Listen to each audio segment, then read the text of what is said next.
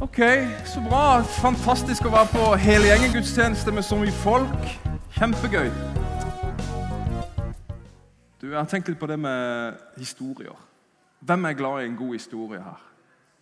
Alle er glad i en historie, er vi ikke det?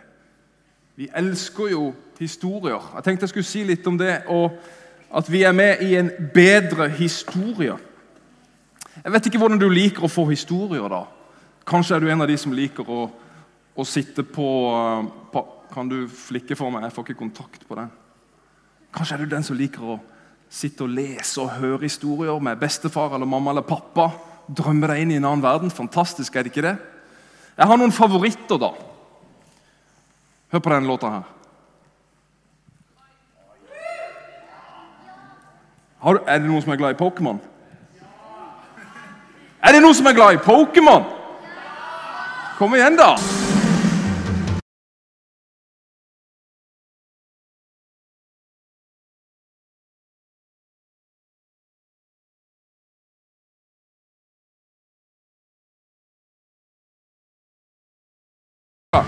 Ok. Pokémon! Åh, jeg elsker Pokémon. For et eventyr. Jeg, jeg, så det var en del voksne også som, som digger Pokémon. Men hvis vi spiller neste melodi uten å gi bilde, hvilken, hvilken historie er dette?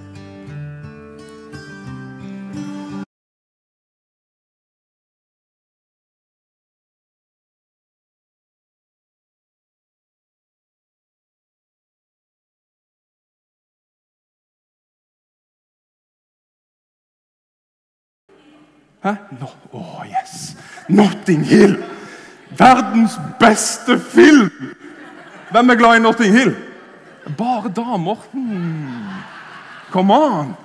Elsker den filmen, altså. Spike og you name it. Ikke minst, Hele historien er fantastisk. Eh, en av de beste filmene fra 90-tallet. vil jeg si. Så kan vi diskutere det etterpå. Hva med den her, da? Hva heter den filmen, da? Barn må lukke for øynene der. Ah, alle mennene var gladiatoren! Yes! Maximus. Vi elsker gladiatoren. Helt klart en av verdens beste filmer. Vi er alle opptatt av historier. Vi elsker historier. Om vi leser dem, eller om vi ser dem på serie eller om vi ser dem på film, de underholder oss, de engasjerer oss, de vekker følelser. Ja, Noen ganger så kan de faktisk gi mening til våre ellers så kjedelige liv. Ja, faktisk så er det sånn. For hvem vil ikke være Æsj?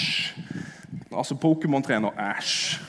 Og Leon. Ja, Hvem har ikke lyst til å liksom få drømmedama, sånn som uh, han der, uh, hva heter han for noe, Hugh Grant? Hvem vil ikke vinne liksom superstjerners hjerte osv.? Eller hvem vil ikke være som gladiatoren? Ja, Vi sammenligner oss sjøl med heltene, gjør vi ikke det? Ja, vi gjør nok det. Men du vet det at det er ikke bare filmhistoriene vi preges av i dag. Det er andre stories. Det er andre stories som preger våre liv i dag. Er det noen som er på Instagram og TikTok her? Ja, Det er mange som er på det, eller andre sosiale medier. Vi følger stories, eller vi følger influensere. Vi følger deres liv. Deres historier preger oss. Ja, mange timer i uka, faktisk. Aldri før i historien så har mennesker brukt så mye tid på å se på andre, sammenligne seg med andre. Ja, så mye at vi faktisk blir deprimert over eget liv. Ja, det er faktisk sant. Aldri før har unge mennesker, og mange av dere unge som er representert her i dag Forskere sier at mest sannsynlig så har sosiale medier og stories og alt det der det har med vår psykiske helse å gjøre, og den er for tiden dårlig i samfunnet. Ja, Det er faktisk sånn det fungerer. Mm. Jeg er nok ikke like sterk som han. Steike for en fin kropp han hadde. ja. Muskler pff. Han hadde vaskebrett, han. Så. Og han hadde mye penger, han. Og han hadde råd til det, ja. Og hun var flink. Og se på det håret. Nei, få se på neste. Sånn holder vi på, gjør vi ikke det? Nei, halleluja. Takk skal du ha. Vi ser så mye inn i skjermen og på folks liv at når vi ser inn i vårt eget liv, så står vi i fare for å miste interessen. Oi, ja, sånn kan det være. Men det jeg vil fortelle deg i dag, og det er gode nyheter, skjønner du, det er historien om en bedre historie. For Jesus han inviterer oss til å ta del i en historie, og det er den her. Den er Den er jo litt tung, da. Og så er han jo veldig lang. Han er jo tjukk som Ja. Og, men det er faktisk en enormt god historie. Er du klar over det? Han er vanvittig spennende også. Bibelen, Guds historie, den handler om Guds fars hjerte. Det er det den boka handler om. Det handler om en god far som skaper mennesket i sin likhet, eller i sitt bilde. Og det gir hvert enkelt menneske av oss en ukrenkelig verdi. Du er elsket av Gud, du er villet av Gud. Han ønsker deg inn i denne verden. Men så forteller historien at menneskebarna, hvis vi kan kalle oss det, hans barn Vi mister relasjonen til Gud fordi vi er ulydige. Vi lar oss lure av den onde. Og så forlater vi ut av Guds fars omsorg. Og så går vi egne veier. Fantastisk spennende historie. Mange av dere har hørt den før. Og gjennom mange generasjoner det er derfor den er så lang, gjennom mange generasjoner så søker Gud etter mennesket for å få dem tilbake inn i den gode fars relasjon. Og hvem er det som er hovedpersonen? Hvem er hovedpersonen i den boka? Ja, herlig fred. Nå, nå tenkte jeg kanskje at Ja, det er jo Jesus. Jesus er hovedpersonen. Og nettopp, nettopp Jesus han forteller en historie i Lukas 15 en fantastisk historie. Han forteller nettopp om en far med et stort hjerte. Du har hørt om den bortkomne sønn. Sant? Den historien der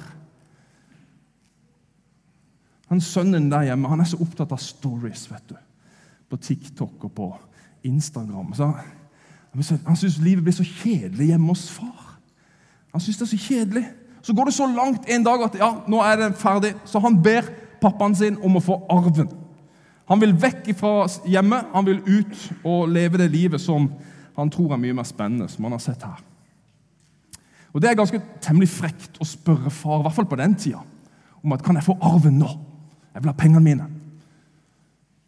Det er det samme som å si pappa, jeg ønsker egentlig at du var død, sånn at jeg kunne arve alt dette og bruke pengene på det jeg vil. Men jeg klarer ikke å vente til du er død, så jeg, vil ha de nå! Temmelig frekt. Anyway, far gjør som han sier. Han får pengene sine, og så stikker han av gårde. Og Nå skal han leve det livet han virkelig har lengta etter. ikke sant? Han skal ta det skikkelig ut nå.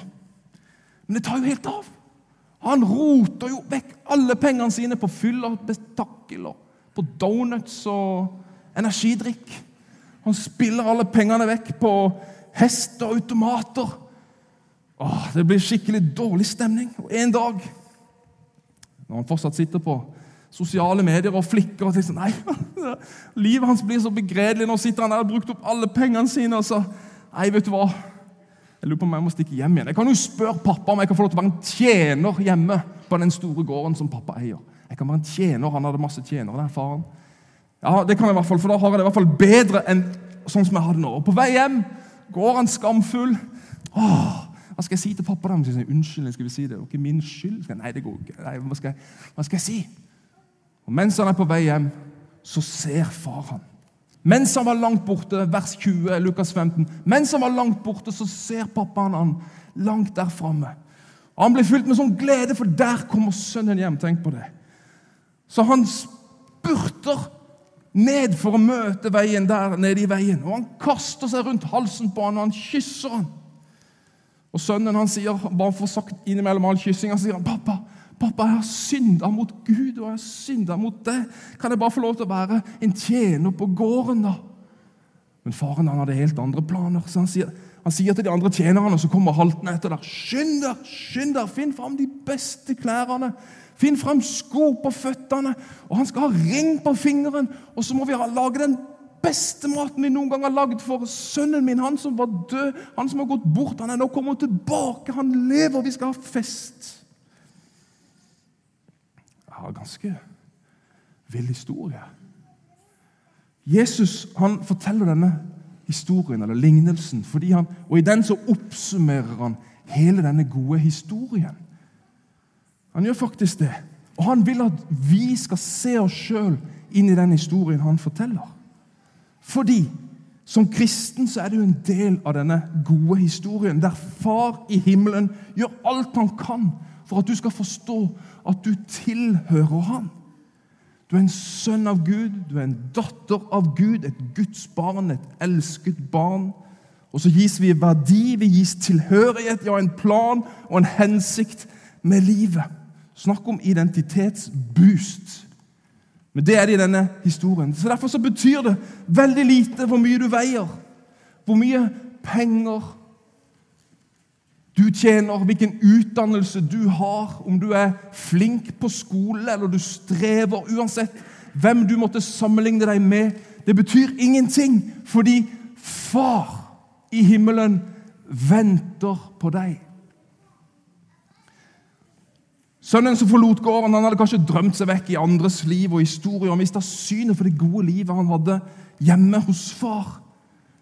Og Når han kommer hjem igjen, så håper han liksom å bare få lov til å være en tjener, men far har andre planer og kler han virkelig opp.